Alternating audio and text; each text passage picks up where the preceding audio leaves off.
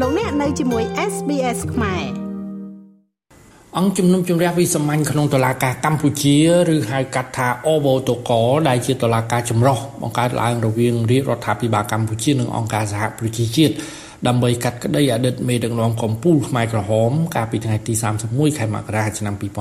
2024បានដាក់ឲ្យដំណើរការរថយន្តក្រុងអវតកចល័ត រថយន្តក្រុងចល័តនេះគឺដើម្បីផ្សព្វផ្សាយនិងអប់រំឲ្យទូលំទូលាយទៅដល់សាធារណជនពីដំណើរការជំនុំជម្រះក្តីរបស់សាលាក្តីខ្មែរក្រហម ទៅលើអតីតមេដឹកនាំកម្ពុជាខ្មែរក្រហម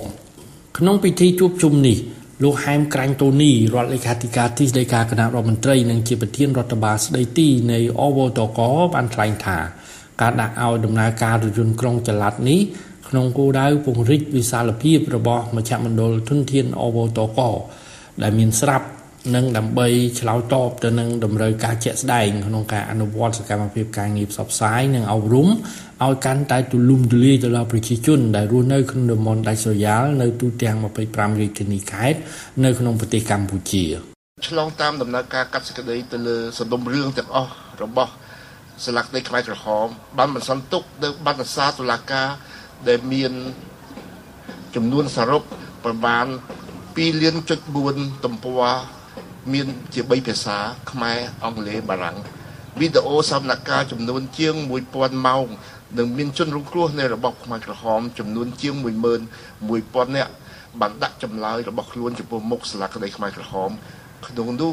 មានជនរងគ្រោះចំនួន6875នាក់ បានចូលរួមក្នុងដំណើរការនីតិវិធីតុលាការក្នុងនាមជាដើមបណ្ដឹងរដ្ឋបាលវិនីក្រៅពីនេះអវតកក៏បានបង្កើតឲ្យមានថ្នាល Digital គំរូមួយក្នុងការជួយសម្រួលដល់ដំណើរការជំនុំជម្រះក្តីនិងការគ្រប់គ្រងសំណុំរឿងដោយប្រើប្រាស់ប្រព័ន្ធ Digital ស្របតាមក្របខ័ណ្ឌគោលនយោបាយសេដ្ឋកិច្ចនិងសង្គម Digital 2021-2035ជាពិសេសស្របទៅតាមយុទ្ធសាស្ត្របញ្ចកោណដំណាក់កាលទី1នៃរដ្ឋាភិបាល ចំណែកលោកបណ្ឌិតសាស្ត្រាចារ្យចេតជាលីសាកលវិទ្យាធិការនៃសាកលវិទ្យាល័យភូមិន្ទភ្នំពេញបានថ្លែងថាវត្តមានរថយន្តក្រុងអូវតកចល័តនៅក្នុងបរិវេណសាកលវិទ្យាល័យភូមិន្ទភ្នំពេញនៅពេលនេះគឺជាឱកាសដ៏សំខាន់ដើម្បីជាសក្ខីភាពនៃការចាប់ផ្ដើមកិច្ចសហប្រតិបត្តិការដ៏ល្អជាមួយស្ថាប័នពាក់ព័ន្ធនិងចូលរួមប្រើប្រាស់សមិទ្ធផលដ៏ថ្លៃថ្លាទាំងនេះឲ្យបានទូលំទូលាយហើយទទួលបានប្រសិទ្ធភាព ទៅតាមតម្រូវការរៀងរៀងខ្លួនជាភពសំណាងរបស់សាកលវិទ្យាល័យភូមិន្ទភ្នំពេញនិងរបស់បងប្អូនទាំងអស់ដែលអាដាមអនុញ្ញាតឲ្យ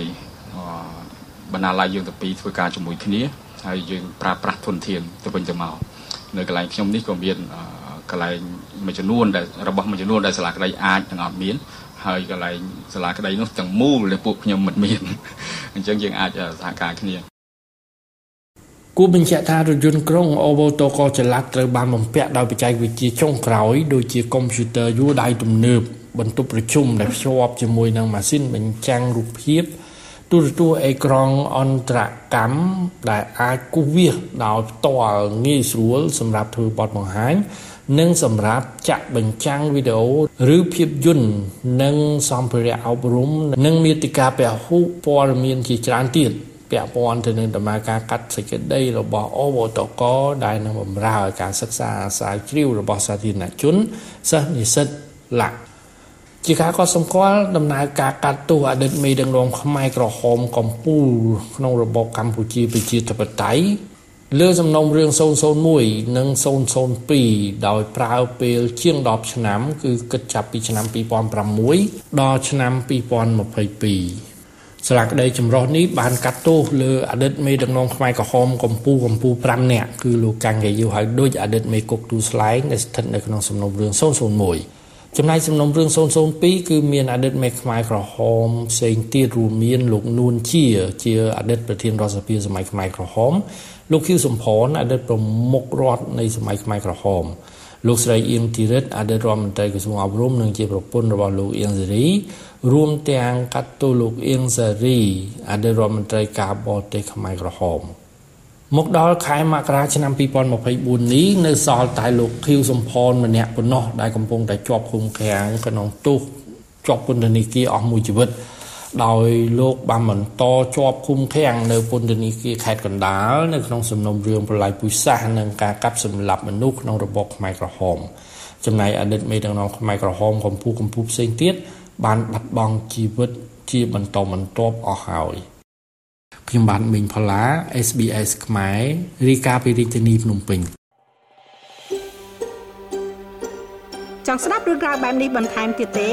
ស្ដាប់នៅលើ Apple Podcast Google Podcast Spotify ឬកម្មវិធីដទៃទៀតដែលលោកអ្នកមាន។